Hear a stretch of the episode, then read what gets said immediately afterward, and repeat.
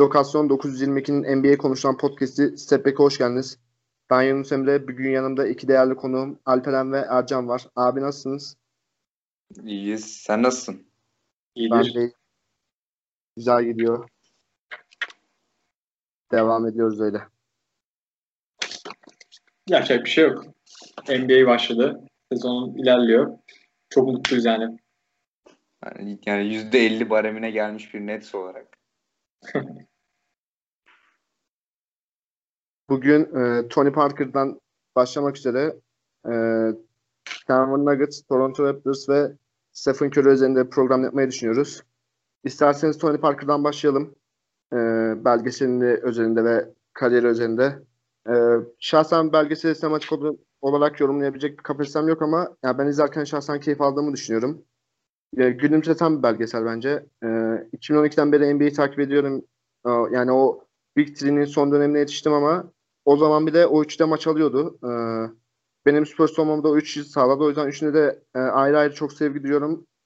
E, belgeselde şahsen hoşuma gittiğini düşünüyorum. Alperen sen ne dersin abi bu duruma? E, belgesel üzerinde. Ya şimdi e, yaklaşık 90 dakika bir belgesel. 90 dakika 100 dakika arası bir şeydi.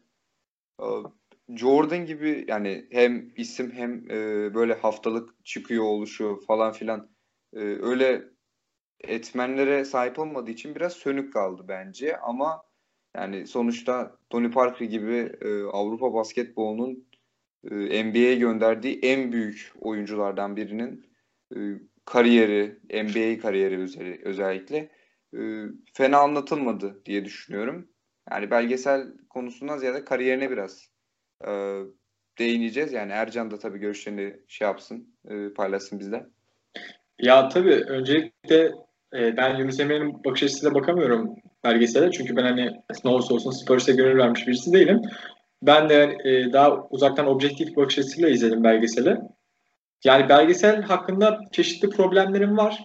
E, bu problemlere de değiniriz. Ama genel olarak hani beni tatmin etti diyebilirim yani. Tony Parker'ın genel kariyeri hakkında hani hiç bilmeyen bir insanın çok e, Tony Parker hakkında genel keyif alarak izleyebileceği bir belgeseldi. Fakat biz e, basketbolu daha fazla, daha işten takip eden insanlar için de biraz daha derinlemesine incelenebilir diyebilirim. Mesela ben e, hani ne olursa olsun e, Tony Parker'ın son dönemlerine denk gelmiş olsa da Kavaya, Lamarcus Aldridge'e biraz daha fazla yer verilebilir diye düşünüyorum. Bu oyuncuların görüşlerine de. E, kariyerindeki e, özellikle ben bilmiyorum Emre bana katılacak mısın? 2007 ve 2012-13 2007'den 2013'e geçen geçişi biraz hızlı e, hani o son şampiyonluktan iki şampiyonluk arasında biraz biraz hızlı geçtiler gibi geldi. O döneme biraz daha fazla hani o e, durgun dönem diye tabir edebileceğimiz döneme biraz daha fazla değinebilirlerdi diye düşünüyorum. Ya ama hani ne olursa olsun tabii e, biz yayından önce de sizle konuştuk. Last Dance seviyeyi öyle bir çıtaya yükseltti ki bizi de aslında biraz da yukarıdan bakıyoruz bu duruma. Ne olursa olsun böyle yapımlar görmek insana keyif veriyor diyebilirim. Ya bir de e, Tabii ki yani o... ufaktan şöyle bir şey diyecektim. E, böyle tek parça e, film tadına, kısa film hatta artık. Yani 90 dakikalık filmler artık e, sinema literatüründe biraz kısa film olmaya başladı. O şeyde e, uzunlukta tek parça şeylerin e, dizi şeklinde paylaşılma paylaşılan şeylere göre biraz daha sönük kaldığı gerçeği de var ama e, yani Last, The Last Dance örneğini vereceğim gene. Oradaki gibi bir e, planlama, program, bütçe yoktu tabii ki ama e, yani Tony Parker'ın da böyle bir e, eserinin çıkması kariyeri özelinde gerçekten sevindiriyor beni. Ya ben araya gireyim tekrardan. Ya şimdi e, Last Dance'le bu belgeseli kıyaslamak, hani sen kıyaslamadın ama bu iki belgeseli kıyaslamak çok doğru değil. Yani birinde sonuçta bir e, hanedanlığı anlatan bir yapım. Diğerinde bir oyuncunun kariyerini yani ben size soru yönelteyim mesela. Siz e, bu belgesel 5-6 bölüm olsaydı çok keyif alarak izler miydiniz? Ben şahsen izlemezdim. Hani bana süresin, süreyle alakalı pek bir problem yok benim. Biraz daha fazla içeriye ve anlatılan verilen mesajla ilgili sıkıntılarım var. Ben şahsen izlerdim ya 6 bölüm olsaydı sanırım. Bak sen ama ama sen, sen ama sen, sen objektif bakamıyorsun tabii. Tabii yani duygusal olarak bakıyorum bu duruma. Dediğim gibi çok objektif bakamıyorum. Duygusal olarak bakıyorum. Evet. Ee, Lamarcus ve Kavay konusunda da abi bu Kavay'la e, e, Tony Parker 2017'de kavga etmişler. Bayağı hatta San Antonio medyasında bayağı büyük olaylar çıkmıştı o zaman. E, neden takımına katılmıyorsun, neden New York'ta dolaşıyorsun gibisinden kabaya maçlara katılmadığı için. Ondan dolayı o 3 yıldır, 4 yıldır konuşmuyorlar. Evet. Zaten Tony Parker'ın e, San Antonio'dan ayrılmasının başat sebeplerinden biri de o gelişmeydi. O yaşanan olaylar diye biliyorum.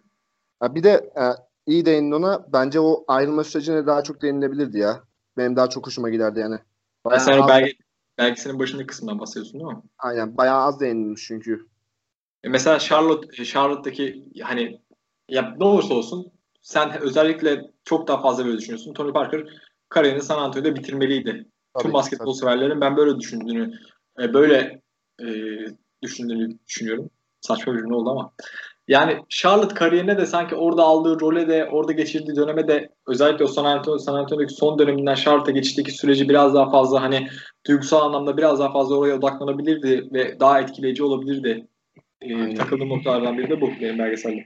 Evet, evet. Duygusu olarak da mesela benim hoşuma giden en e, en çok beğendiğim şeylerden birisi arkadaşı telefonu açıyor ya e, neredesin seyahatte misin? O da diyor eve döndüm San Antonio. Yani bence o çok güzel bir diyalog olmuş. Benim çok hoşuma gitmiş. Sen bu konu hakkında ne düşünüyorsun? Bu diyalog abi, hakkında. Abi zaten e, belgeselin ya ben en azından bu zamana kadar eleştirdiğim noktalarını söyledim. Belgeselin diğer çok güzel yansıttığı taraflarından biri de yani Tony Parker, San Antonio, San Antonio, Tony Parker birleşmiş yani beraber e, iç içe geçmiş iki meta. Yani Tony Parker evi evi gibi görüyor San Antonio'yu. Evet. Bunu bize çok güzel yansıttı. Hatta o geçişlerde falan e, San Antonio'nun ara sokaklarındaki geçişlerde falan çok güzel gördük yani biz bunu. Tony Parker'ı evi gibi görüyor. Zaten ev yani abi o nasıl bir ev ya? Malikane bence abi, o ev falan değil. Yani. Ev, tabii o, o evse bizimkiler ne diye düşünüyor insan da abi o hani benim belgeselde en çok takıldığım noktalardan abi kaydırak ne ya evin ortasında? ne o havuz yani? yapmış evin abi, içine. Havuz, ya ben sana şunu söyleyeyim. Sen de mutlaka böyle düşünüyorsundur. O o kaydıran Türkiye'deki çok baba otellerde yok yani o kaydırak. Öyle diyeyim ben. Aynen öyle. Ayrı ayrı, ayrı aquaparklar kurmuş. Ona bayıldım ben. Hayran kaldım yani. Evet yani. Ya, sen ne düşünüyorsun arkada? Tony Parker. Sen biraz da Tony Parker'ın kariyerini istersen Avrupa yani. basketboluna kattığı yani hmm. Avrupa basketbol değil hatta Avrupa spor dünyası diyebiliriz yani Tony Parker'ın evet. aldığı. Abi ben şey Kobe kestini gör yani en başta izlemeden önce Kobe'nin bir kesti vardı onu gördüm. Ee, orada işte şeye değiniyordu. İşte Fransa'dan gelmiş e, 1.90 bile olmayan boyu işte e, ince fiziği e, yani bu adamın NBA'de nasıl kendine bir yer bulacağını merak e, eder insan yani. Kobe'nin şeyi buydu. Ama e, inatçılığı, e, hırsı, kazanma isteği e, bunların hepsi zaten San Antonio kültüründe e, yani San Antonio kültürüne gelen oyuncularda barınan ve takımla beraber yükselen değerler. E, çok yani öncelikle Tony Parker'ın yani Avrupa'da müthiş bir draft e, prospect olmasa da geldi işte ilk turun sonlarında seçildi ve e, çok doğru bir organizasyonda, çok doğru bir koç altında e, kariyerinde verebileceği maksimum şeyin çok daha üstüne çıkarak harika bir NBA kariyeri geçirdi. E, son bir Charlotte e, tatsız bir e, bir yıl geçirdi orada. Yani yine 3-4 yıl sonra Charlotte'ı playoff'lara götüren e, önemli bir rol oyuncusu olabilirdi ama Charlotte e, 1-2 galibiyet eksik kaldı o sezonda. E, onun dışında yöneticilik vasfı var. E, Azvel'in sahibiydi yanılmıyorsam. Ya Azvel'in ya Nanter'in. Yok Azvel. Azvel. Yani Azvel'i tekrardan Eurolig'e son 2-3 sezondur takım Eurolig'de. Ee, önce işte yaptığı yatırımlarla takımı Euroleague seviyesine çıkardı ve orada e, avaraj takımı olmaktan ziyade belli bir seviye takımı oldular yani. Ee, işte son dördün veya son beş sıranın en üstündeki takım olma yolunda ilerliyorlar. Ee, çok genç bir yapılanma var ki Tony Parker zaten bunu geçen sezonun başında parmak basmıştı. Ee, mesela Strazel var. Ee, benim beğendiğim bir oyuncu. 2002 doğumlu. Ee, Strazel gibi e, bir sürü genç oyuncu var ve bunları değerlendirerek, bunların yanına tecrübeli oyuncu ekleyerek biz Euroleague'de barınacağız tarzı bir şey söylemişti. Orada da e, devamlılık kültürünü oluşturuyor. Gerçekten hem saha içinde hem saha dışında hem tribünde çok iyi bir basketbol adamı olduğunu da e, San Antonio dönemi sonrasında da gösterdiğini düşünüyorum.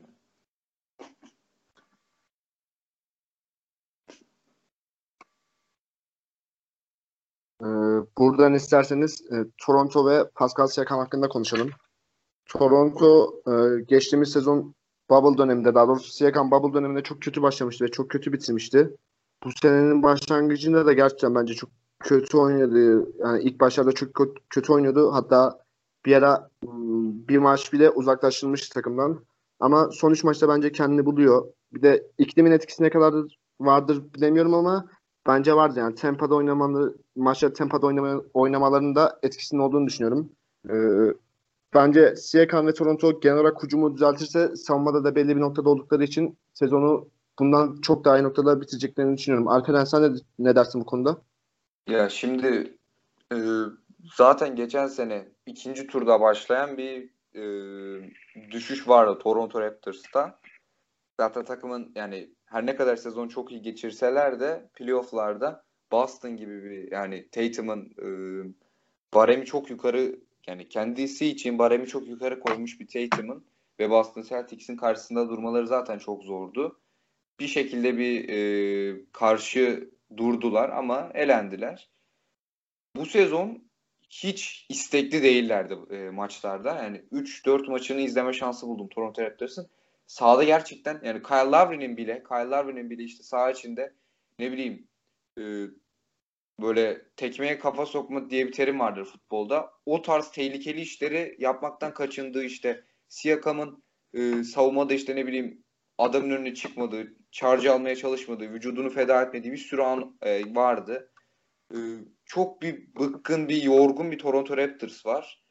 E, böyle giderse sezon, e, çünkü şu an hafif bir kriz var. Toronto Raptors, San Antonio Spurs gibi takımlarda biraz e, kriz iyi yönetilir genelde ama Toronto Raptors bu sene biraz kötü başladı. Yani bayağı kötü başladı beklentiler ışığında.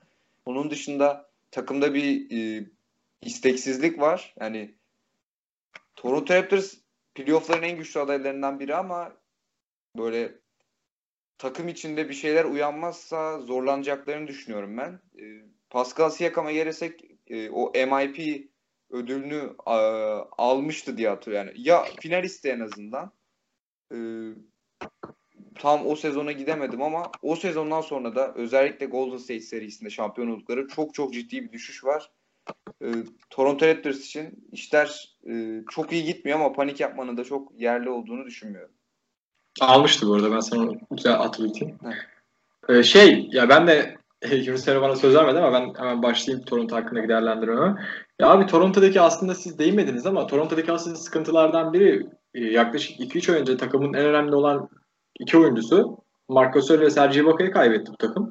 Ve ben o e, Aaron Mace ve işte Alex Len gibi oyuncularla kompanse etmeye çalıştılar bu kayıpları. Fakat ben hani bu iki oyuncu bu iki oyuncuyla doldurulmaz diyeyim. Zaten Alex Len'i biz hani neredeyse NBA dışında kalabilecek e, kalitesizlikte bir oyuncu. Biliyoruz yıllardır. İşte Phoenix'te gördük. işte Sacramento'da gördük kısa bir dönemde olsa. Ya bu oyuncu o kadar, o kadar kaliteli değil. Ben Aaron Baze'den de çok beklentim vardı. Tam hani aynı tipte değiller ama Marco Sol ile Sergi Ibaka'nın yerini kısmen de olsa doldurabilir diye düşünüyordum. Fakat e, Aaron Baze çok kötü girdi sezona. Ya gerçekten çok kötü girdi. Ve e, bu eksiklik Toronto'yu çok derinden etkiledi. Üstüne üstlük Alperen'in de eklediği gibi, söylediği gibi Pascal Siakam fecaat durumda yani. Yani kendisi bilmiyorum. Ben bu senenin başında kendisi çok büyük beklentiyle fantezi takımından seçmiştim ama herhalde yani bana inat yapıyor diyeyim. Yani çok kötü durumda. Her ne kadar bir iki, son 1-2 maçta işte birinde 32, birinde 19, 9, 10 tarzında bir istatistik yaptı ama ya Pascal Siakam çok kötü durumda. Fred VanVleet o kadar iyi durumda değil. Kyle Lowry bizim o bekli her zaman alıştığımız en azından bir seviyenin üstünde sürekli performans veren Kyle Lowry değil. Ve bence asıl kilit ve en e, konuşulmamız gereken nokta bence Nick Nurse çok kötü girdi sezona. Çok formsuz. Yani söyleyeceklerim bu kadar. Yani Nick Nurse eminim bu takım biraz daha iyi olacak ama ben en azından geçtiğimiz sene düşündüğümüz kadar e, playoff adayı ve şampiyonluk adayı olduğunu düşünmüyorum Toronto'nun. Çünkü kadro kalitesinde büyük düşüş var. Ve Pascal Siakam çok kötü. Ya ben ufaktan da şeye değinmek istiyorum. Geçen seneki Golden State olabilmek e, geçen seneki Golden State'ten kötü başladılar. E, birkaç sakatlıkta oraya doğru da gidebileceğini düşünüyorum işin. İşte o kadar e, kötü olmaz be abi ya. Ya sakatlıktan kastım işte ne bileyim e, Kyle Lowry, Siakam, OG Anunoby hepsi birden mesela sakatlanacak falan. Öyle öyle büyük çaplı bir şey olmadığı sürece tabii ki e, en azından en rezil haliyle bile Toronto ilk 10 takımıdır. Play-in takımıdır. E, hatta ilk 8'in en güçlü adaylarından biridir söylediğim gibi ama işte böyle kötü gidiyorlar. Bu kötü gidişe bir de sakatlıklar eklenirse e, iş sakatlık sonrası toparlanamaz bir hale de gidebilir diye düşünüyorum evet. en azından. Ben e, ben kısaca bir de şey ekledim. Nick Nurse'un formsuzluğundan dem bulmuştum abi. Bir de bizim Nick Nurse'un yıllardır asıl sıkıntılı olan taraflardan biri de Nick Nurse'un bizim yıllardır alışık olduğumuz. Abi Nick Nurse hani siz de biliyorsunuz. İşte O.J. Anunoby'ler, Chris Boucher'ler bu adamlar Terence Davis'ler yani bu adam draft olmamak için çabalamış bir oyuncu. Hani bu oyuncuları kullanmayı çok iyi biliyor. Yani bu oyunculardan verim almayı çok iyi biliyor. İşte e, kısıtlı zamanlarda vermeyi. Evet, sorumluluk vermeyi çok iyi biliyor işte. Patrick McCall'lardan, Stanley Johnson'lardan. Fakat bu sene e, Nick Nurse daha sezonun bu döneminde çok e, dar bir rotasyonla oynuyor. Eğer böyle giderse ileriki dönemlerde orta ve uzun vadede büyük sıkıntı yaratır bu da Toronto'ya. Ben de ikinize de söylediklerinize katılıyorum. Ee, burada isterseniz Denver'a geçelim. Denver'da sezona e, birazcık kötü baş, daha doğrusu bayağı kötü başlamıştı ama onlar tam toparlayamıyor ama bir yandan o kadar da kötü değiller. Bence e, burada en önemli şey Jokic bireysel olarak MVP performansında oynuyor beyler. Siz ne düşünüyorsunuz Jokic hakkında? Başlayayım mı Aynen ben sen başla. Ya abi e, biz az önce Toronto'da aslında iki tane oyuncunun kaybından konuşmuştuk. Sergio Ibaka ve Marco Sorun. Denver'da da bence aynı şey geçerli. Yani ben size Jeremy şu an... Grant. Evet yani Jeremy Grant, Torrey Craig de sayılabilir. Yani evet, evet. takım şu an dün, dünkü Philadelphia maçından bağımsız konuşuyorum. Belki ileride o rezalete de değiniriz. E, dünkü Philadelphia maçından bağımsız bir şekilde konuşuyorum. Takım hiç savunma yapamıyor. Hiç sıfır. Yani şu an NBA'in 30 takım üzerinde en kötü savunma yapan 29. takımı. Hani bu takımlar arasında Washington, Detroit'ten falan bile kötü savunma yapıyorlar neredeyse. Hani çok kötü çok kötü durumdalar. Ee, asıl halletmeleri gereken sorun zaten onların hiçbir zaman hücumları, hücumları problemli olmadı. Bir yani yok iş gibi bir jokerin varsa senin zaten hücumunu bir şekilde halledebiliyorsun. Çünkü o birçok şeye katkı verebiliyor. Fakat onların asıl halletmesi gereken konu savunma. Fakat işin asıl kritik noktası onların savunmayı halledebileceği ellerinde aset var mı? İşte Michael Green geldi. Ama Michael Porter Jr. var. Hiç savunma yapamıyor. Yani çok büyük bir savunma potansiyeli. Fiziğini zaten biliyorsunuz. Özelliklerini biliyorsunuz. Ama hiç e, savunma yapabilecek bir bilgisi yok yani. O bilgi düzeyinde değil. Ya bilmiyorum Michael Malone halledebilir ama takım olarak da birazcık çaba göstermeleri gerekiyor. Michael Malone bunu yapabilecek bir koç mu? Evet bence yapabilecek bir koç. Geçtiğimiz dönem bubble döneminde. Bunu gördük yani. O yeterlilikte bir koç. Abi ben çok kısa şeyden bahsetmek istiyorum. E, Torrey Craig konusuna değindin e, Ercan sen. Torrey Craig benim de işte e, öz abilerimden biridir. En sevdiğim oyunculardan biridir Torrey Craig. Yani e, yani Euro Cup seviyesinde bile olmadığı sene NBA'ye gelip hemen e, çift yönlü kontrattan katkı yapması zaten e, ne kadar emekçi bir adam olduğunu gösteriyordu işte. Savunmada zaten o e, garanti kontrata da savunmadaki inan e, çok yönlünü e, yardımcı olmuştu. Torrey Craig çok e, bence değeri verilmeyen bir kayıp Denver e, penceresinde. Jeremy Grant zaten inan yani çok çok büyük bir kayıp. E, ama onu da anlayabiliyoruz. Yani belli bir seviye e, rol oyuncusu olduktan sonra o da artık oyununu üst seviyeye çıkaracak bir yapıda olmak istedi. E, en iyi 3 savunmacısının belki de ikisini kaybedince e, fizik kaybedince orada vücut terimi vardır işte. E, oraya koyacak e, vücut fiziken bir vücut olmadığı sürece savunmanın düşeceği zaten çok belliydi. Sezonda biraz öyle başladı işte. 120 yiyerek ilk 3-4 maçı geçirdiler. E, şanssız yenilgiler aldılar Yunus Emre'nin de bahsettiği gibi. Mesela Sacramento maçı. Ama Jokic e, e, olaya el attı. Doncic'in önünde gözüküyor şu an. E, yani hem Dallas hem Denver'ın performanslarıyla şu an ikisi yani Doncic ve e, Jokic'i MVP yarışına yazmak şu anlık zor ama Jokic e, Luka'nın önünde gözüküyor. Luka Doncic'in şu anlık. E, çok ilginç de bir MVP yarışı oluyor yani. Şu an LeBron James 36 yaşında MVP e, ilk açıklanan MVP sıralamasında e, birinci. Takımların kötü başlaması sezona böyle ilginç bir tablo da doğurdu. E, Denver'ın ben toparlanacağını düşünüyorum Toronto aksine. Toronto'da biraz daha ümitsizdim ama Denver'dan çok daha ümitliyim. Ee, yine ilk dörtte bitireceklerdir. Phoenix'in onları geride bırakabileceğini düşünüyorum. Ee, bu kadar benim söyleyeceklerim. Evet ben e, tekrar senin söylediklerine çok değerli katkılarını ekleme yapayım. Abi bu takım yani biz bu takımın şampiyonluğa önce konusunda en fikiriz diye düşünüyorum. Yani bu adamlar geçtiğimiz sezon e, konferans finali oynadılar Lakers'la. İki kere 3 evet, üç, üç birden geri döndüler. Yani onu da. Ya tamam. Evet. O, da, o da var. Bu takım geçtiğimiz sezon konferans finali oynadı Lakers'la. Ve takımın hani Lakers'ın süperstarı kim? LeBron James. E peki e, abi senin LeBron James'in karşısına atabildiğin oyuncular kimlerdi? Yani savunma yapamıyor. Tabii sen LeBron'u savunamazsın. Hani öyle bir şey yok. 2021 yılında bile olsak öyle bir şey yok da. Hani en azından LeBron'u durdurmak için senin kadronda LeBron'un karşısına atabildiğin oyuncular kimlerdi? Jeremy Grant, Torrey Craig. E sen bu iki adamı da bence yani tutabilirlerdi bence. Abi Jeremy Grant zordu biraz çünkü o yani Grant kafada çünkü e, ben artık bir takımın ikinci skoreri olmak istiyorum tarzı bir kafaya büründü. Torrey Craig'i net tutmaları gerekiyordu. Bence benim e, en şaşırdığım şeylerden biridir. Şu anda sakat yanlış hatırlamıyorsam ama e, evet. tutmaları net gerekiyordu bence de. Cüzi de bir kontrat alacaktı. Abi gitsin tamam ya. Detroit Pistons'ın ikinci skoreri olsun bakalım ne olacak. Öyle yani dediğim gibi. Sen ne düşünüyorsun Yunus Emre? E, Denver toparlar mı?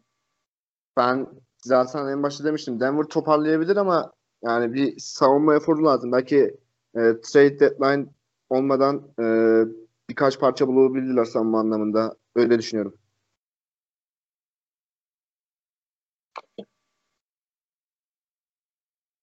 Buradan e, Philadelphia maçına geçelim istersen. Ercan sen de demiştin hatta başta. Philadelphia Denver Nuggets maçına. E, dün Philadelphia 7 kişilik bir rotasyonla sahaya çıkmak zorunda kaldı. Covid protokolleri nedeniyle.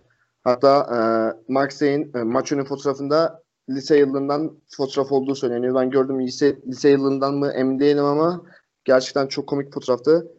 Ee, dediğiniz gibi o kadar kötü ki Denver Nuggets e, bu Philadelphia karşı bile zorlandı yani. Bakıyorsun bir ara fark hatta Philadelphia çok az öne geçti ama bir ara fark bayağı inmişti ama ondan sonra kolektif bir hücumla maçı kazanmayı da bildiler. Ben başlayayım. Başla başla. Ya abi öncelikle ben maçı izlemekten çok zevk aldım. Neden çok zevk aldım? Ben Tyrese Maxey'i yıllardır takip ediyorum. Kendisine Kentucky Wildcats döneminden beri takip ettiğim bir oyuncu ve ben onu hani böyle kaç top kullandı? 30 30'dan fazla top kullandı neredeyse. Ben çok zevk aldım onu böyle bağımsız böyle Westbrook tarzı ve Westbrook bari bir oyun oynarken görmekten. Ama tabii ne olursa olsun işin Denver boyutuna sen değindin ama şimdi NBA boyutuna bakmamız lazım. Hani abi sen bu maçı nasıl oynatıyorsun ya? ya bu maçı oynatmaman gerekiyor senin. Yani 7 kişilik... aslında e, orada katılıyorum sana. Yani yani yayıncı hariç herkes bu maçın neden oynadığı hakkında bir yani tam anlam veremedi ama maç e, Esport'ta da Türkiye'deki yayıncısında da yayınlandığı için ulusal televizyon maçı diye geçiyor. Ayrıca e, Ben Simmons, Joel Embiid sakat dediler ama yani bu adamlar yani iki gün önce Nets'e karşı oynayıp yolculukta mı sakatlandı? Bir de o vardı. Abi bir de ha, bitir lafını. Şey böyle sadece injured yazıyordu e, ra- raporda falan da. E, Wojnarowski'nin de yani Ben Simmons ve Embiid yok yazdı. Böyle ameliyat tarzı bir şey de yazmadı. O ikisi oynamadı ki ben Philadelphia'nın o ikisini oynatmamasını maçı iptal ettirmek için olduğunu düşünüyordum en başta. Sonra NBA yönetim bu maç oynanacak dedi. Bir buçuk saat, iki saat kala maça. Ee, işte Dwight Howard ilk beş çıkacak. O makaralar döndü. Burada kazanan ulusal televizyon oldu. Ee, Denver Nuggets da kazanmadı bence. Philadelphia da kazanmadı. Çünkü kafa tam olarak maçta bir türlü olamadı. Ee, Onun dışında Seth Curry'nin e, Seth Curry'nin ve NBA yönetiminin büyük bir hatası vardı. E, Brooklyn maçında Seth Curry e, Brooklyn maçı mıydı? Bir sonraki maç Yok, mıydı? Evet. Yok Brooklyn, Brooklyn Ee, maçıydı. Evet evet. Hatta e, karantinada kaldılar sanırım birkaç gün New York'ta. Ya böyle bir rezalet olamaz yani.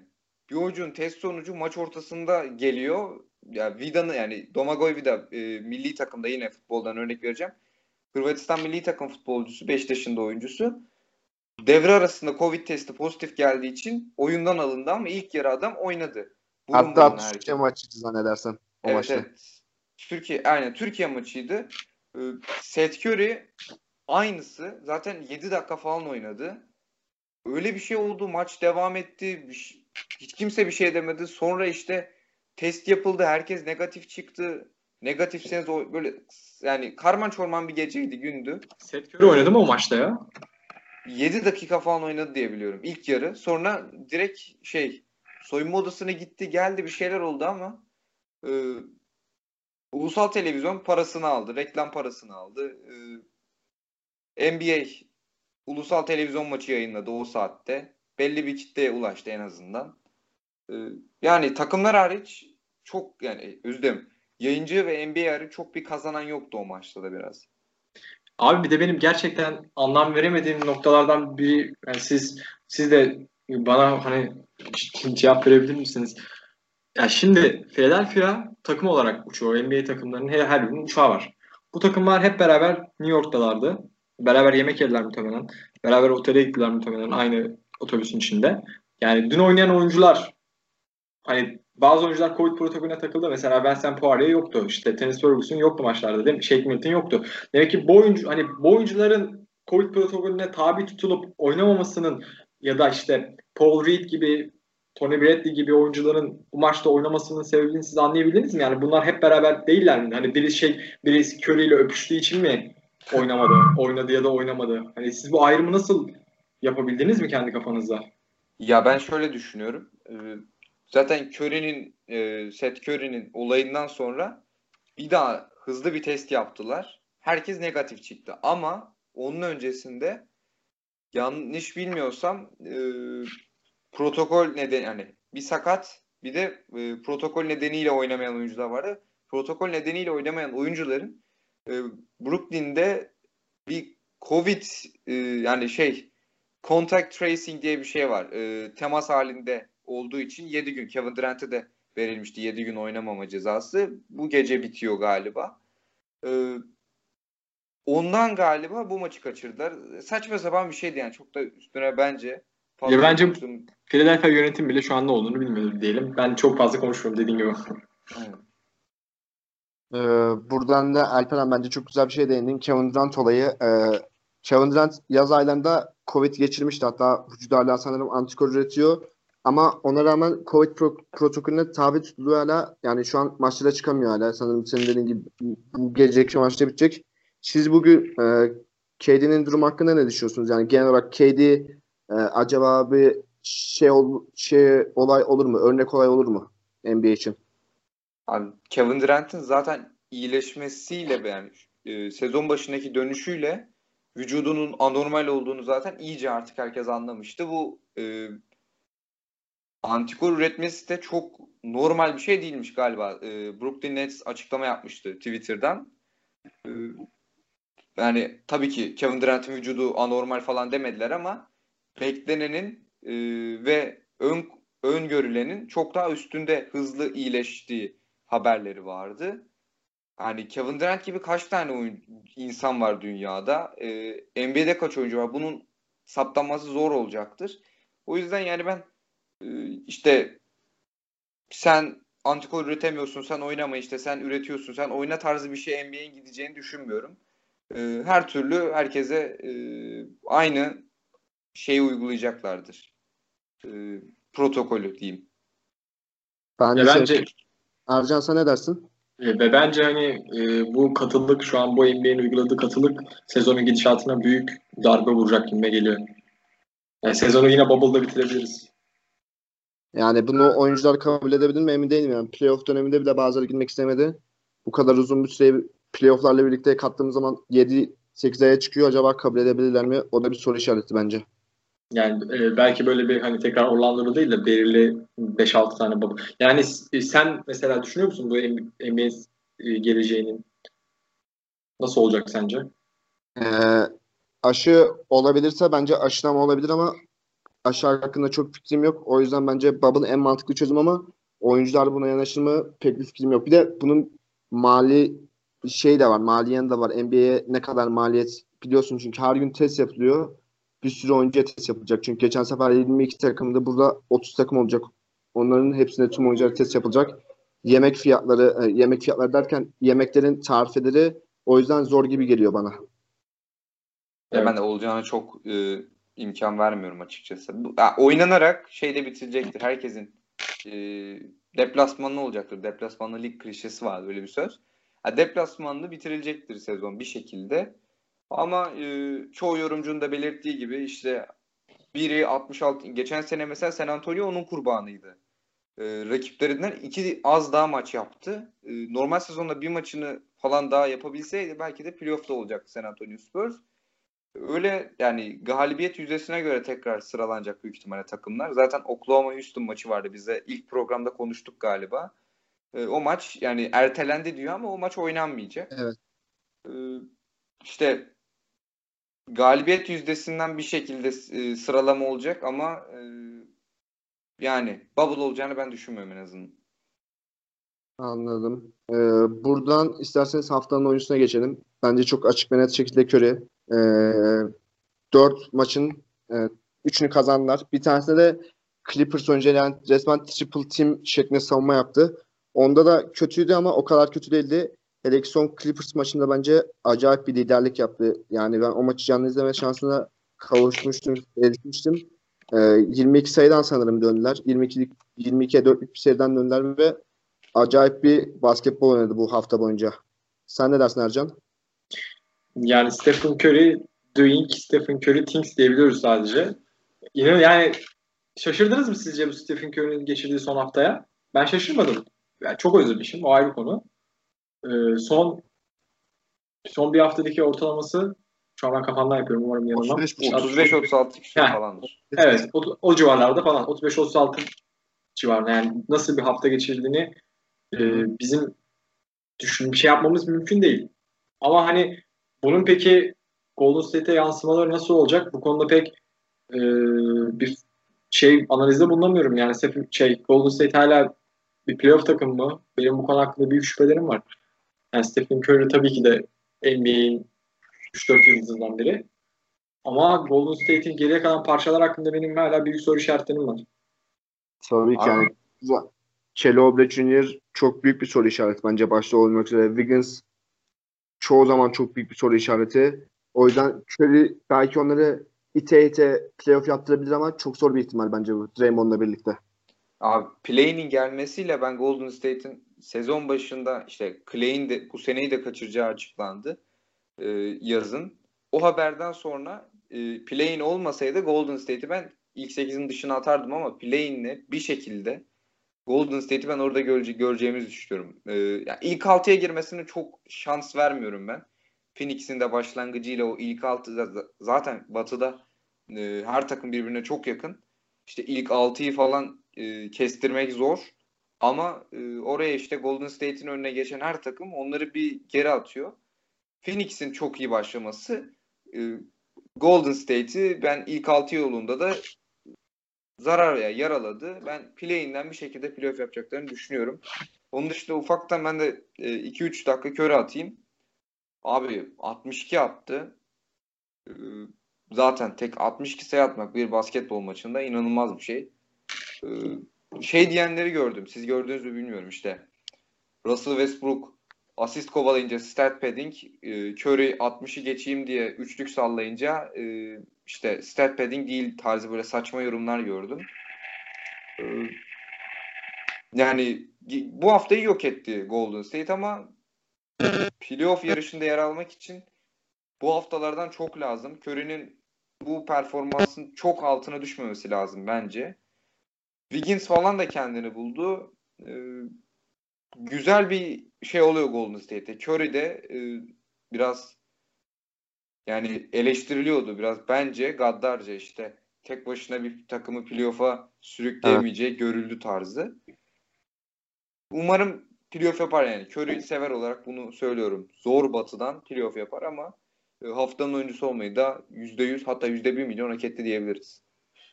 Abi çok güzel çok güzel şeyler söyledin de ben senin e, hani Wiggins kendini bulduğu kısmından sonra koptum yani. Abi ya Wiggins... iki maçtır falan biraz işte mid range atayım edeyim öyle şeylere giriyor biraz. evet. O, Clippers maçının o son Clippers maçının yani ikinci Clippers maçının clutch time'ında bir tane şut soktu ama bence de onun dışında çok iyi değildi. Ee, Curry de dediğim gibi o eleştirilere karşı hani Last Dance'de bir sahne vardı ya yani I took that person. evet. evet. Şeyde, röportajında. Bence o da gayet güzel komik bir şeydi, olaydı. Ee, buradan haftanın takımına geçelim isterseniz. Benim haftanın takım olarak çok bir fikrim yok ne yazık ki. Ee, Alperen ve Ercan belirleyecek bu hafta haftanın takımını. Normalde her zaman önceden belirleyip gelirdik ama bu hafta birazcık takımlar ortadaydı. Ee, beyler ikiniz ne dersiniz bu konuda? Ercan sen ilk adayını. Şu an yani şu an benim üstümde çok büyük büyük attınız ama e, yani Lakers diyebiliriz. Sezona iyi girdiler ve bence LeBron James de aslında bahsetmedi bir podcast'ta ama LeBron James gerçekten çok iyi bir sezon sezona giriş yaptı. Çok iyi gidiyor. E, Suns diyebiliriz. Onlar da özellikle dünkü galibiyetten sonra soyunma odasındaki galibiyet sonrasını görmüşsünüzdür mutlaka. E, sen ne düşünüyorsun Alper? Ya ben Lakers diyeceğim. Her ne kadar şok bir San Antonio yeni yani şok değil de yani beklenmeyen e, görece zayıf e, bir San Antonio'ya karşı yani Yunus Emre tabii ki buradan e, bizi vurmadan e, içeriden şey yapmaya çalışıyorum e, konudan çıkmaya çalışayım. E, nispeten zayıf San Antonio'ya karşı mağlup olmaları dışında bir şey olmadı. E, her maçta tempoyu belirliyorlar. Bu çok önemli bir şey.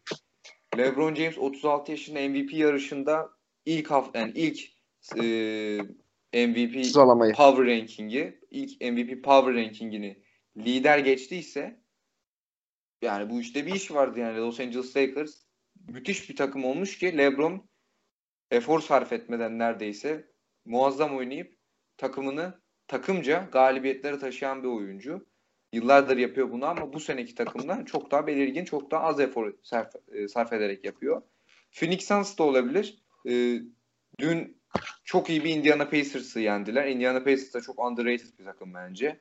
Evet, e, özellikle yine Sabonis. Playoff yani kesinlikle Sabonis zaten 20-20 yaptı diye biliyorum iki maçtır evet, falan. 22 attı. 22 rebound. Yani 20, 22 rebound. Ee, ya Yine ilk turda elenirler mi bilmiyorum. Klasik bir Indiana şeyi oldu o. Ee, ama Abi çok... bu arada senin lafını bölüyorum ama bizim ya aslında e, son bir haftada 4 galibiyet alan Celtics'i bu listeye koymamız lazım. Hatta zirveye koymamız lazım bence.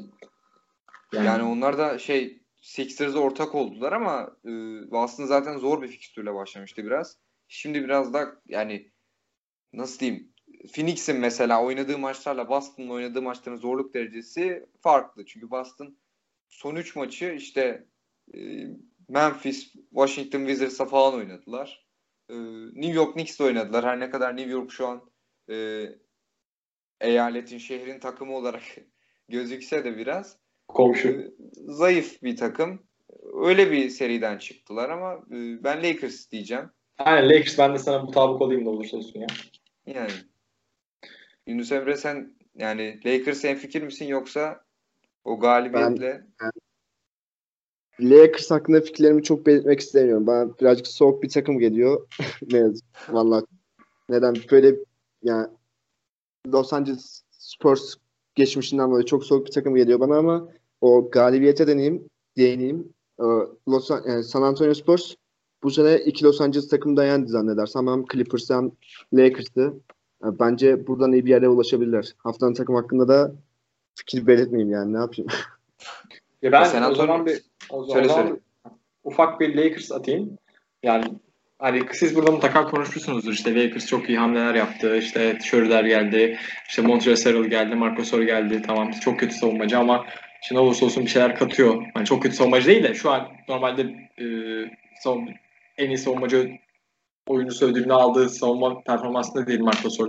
Çok kötü savunmacı demiş olmayayım. Yani ama bizim mutlaka konuşmamız gereken faktör LeBron James ve LeBron James'in sezona girişi. Bizim her zaman yıllardır Cleveland döneminde hatta Lakers döneminin ilk başlarında bile e, alıştığımız LeBron James sezona girişi ve sezon gidişatı vardır. Yani LeBron James sezona yavaş girer. Hani sezon ortasına doğru Şubat'tan sonra All-Star arasından sonra inanılmaz bir şekilde yükselir. Benim sezon başında e, Lakers hakkında ve LeBron James hakkında soru işaretlerim vardı. Çok büyük soru işaretlerim vardı.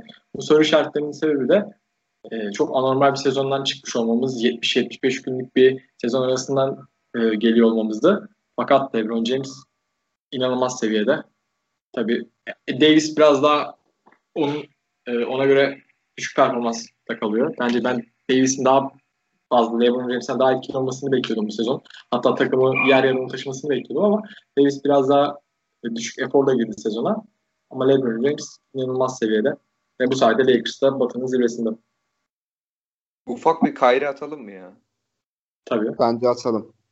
Yani çok ya iki yıldır bunun bas bas bağıran biri olarak yani çok e, yani çok büyük bir D'Angelo Russell seveni olarak işte D'Angelo'nun oluşturduğu yapıya Kyrie Irving'in gelmesi zaten biraz içimi burkmuştu geçen yaz ama iki yıldır inanılmaz şeyler yapıyor yani böyle saçma sapan olamaz. Ee, sağ dışı şeylerinden konuşuyorum. Ee, Steve Nash zaten bir haber dünyadan. İşte oynamak istemediği için oynamamış falan. Kevin Durant yok diye oynamak istememiş falan e, dendiğini gördüm bugün. Bugün Brooklyn Nets'in de maç maç oynamadan geçtiği bir gündü bugün. İşte Kevin Durant olmadığı için sahaya çıkmak istememiş tarzı böyle e, profesyonelliği karşısına böyle e, silah zoruyla alan bir Kyrie Irving e, mentalitesi. Yani sağ içinde muazzam başlasa da bu sağ dışı şeyleri çok büyük zarar veriyor takıma da. Bir taraftar olarak da bize de. E, Profiline de bence e, isim kalitesine de çok büyük zarar veriyor. Ya tabii ki ama yani Brooklyn hala bazı insanların kafasında 2016'da işte o bir tane meşhur fotoğraf vardı işte.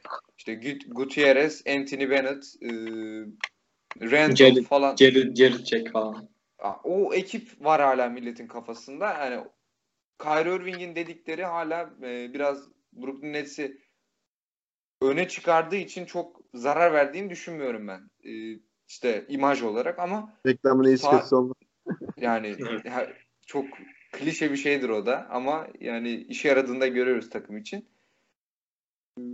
Yani saha içinde çok inanılmaz kötü bir şey olmadı şu an. Tatsız yenilgiler haricinde ama Kyrie Irving'in ben playofflarda falan biraz e, yaygara çıkaracağını düşünüyorum. Takım içinde böyle mutsuzluğa yol açacağını düşünüyorum.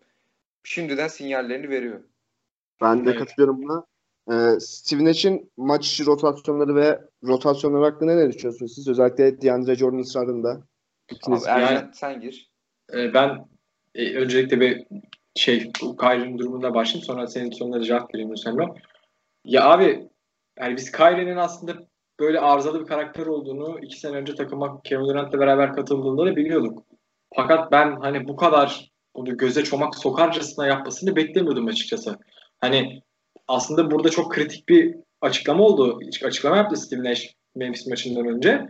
Yani e, ben işte bilmiyorum hani e, ben de benim maçtan önce haberim haberim olduğu tarzında bir, bir demeç verdi tam bu minvalde. Ve bu gerçekten aslında bir yandan da Steve Nash ve e, Kyrie arasında da bir soğukluk olduğunu hatta Kyrie ve e, takım arasında da bir soğukluk olduğunu gösteriyor bana. Zaten ben e, geçtiğimiz sezonda Alperen hatırlayacaktır. Kyrie'nin biliyorsun e, takımın işte takımdaki bazı oyuncuları sayarken işte Tauron Prince gibi ne bileyim e, Spencer Dinwiddie saymamıştı galiba. Bazı oyuncuları saymamıştı. Tak takımı bölmüştü yani bir nevi. Yani Kyrie'nin biz bunu yapacağını biliyoruz. Bunun sezona yansıması nasıl olur? Zaten görüyoruz iki maçtır oynamıyor adam. Ne, e, net bir galibiyet aldı, mağlubiyet aldı bu süreçte. Fakat bunun sezona yansımaları Kyrie ne yapar? Kevin Durant onu biraz daha toparlar mı? Ee, bilemiyorum. Çünkü Kevin Durant'in ben o karakterde olduğunu düşünmüyorum. Hani o LeBron James'in Cleveland döneminde Kyrie'yi frenleyen Kyrie'nin o e, anormal yapısını frenleyen hareketlerini Kevin Durant'in ben pek fazla yapabileceğini düşünmüyorum. Çünkü Kevin Durant o karakterde bir oyuncu değil. Kendisi çok dominant, içinde çok dominant bir oyuncu olabilir. Fakat sağ dışında o kadar dominant bir figür değil. Figür değil. Yani diğer soru, diğer, senin diğer soruna gelirsek DeAndre Jordan'ın ısrarı hakkında yani Jared Allen bence özellikle son 4 maçtır inanılmaz bir seviyede. Her ne kadar Memphis maçında çok, çok gereksiz top kayıpları da yapsa. Zaten Jared Allen'ın yıllardır ne seviyede olduğunu biliyorduk. Ee, kesinlikle DeAndre Jordan'ın yerinde oynanması gerektiğini düşünüyorum.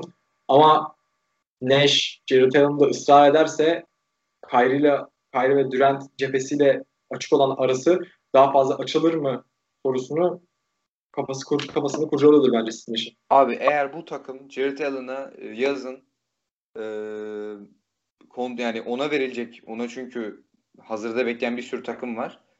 Ona verecek kontratı Brooklyn Nets karşılamazsa gerçekten e, yani Kyrie Irving'e bile katlanan sakin Brooklyn Nets taraftarlarının ayağa kalkacağını düşünüyorum ben bu arada. Çünkü Jared Allen bu yapının ilk draft seçimi e, D'Angelo Russell'la beraber kurulan onun böyle e, paldır küldür gönderilmesi işte takımda tutulmaması büyük rahatsızlık yaratacaktır.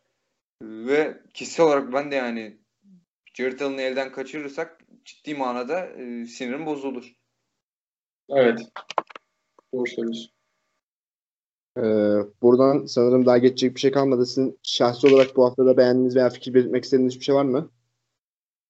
Ha, Bruce Brown diyelim. Büyük adam. Bruce Brown. Ya ne Bubble Nets geri döndü diyebiliriz. Seviyoruz ya. Bubble Nets iyidir.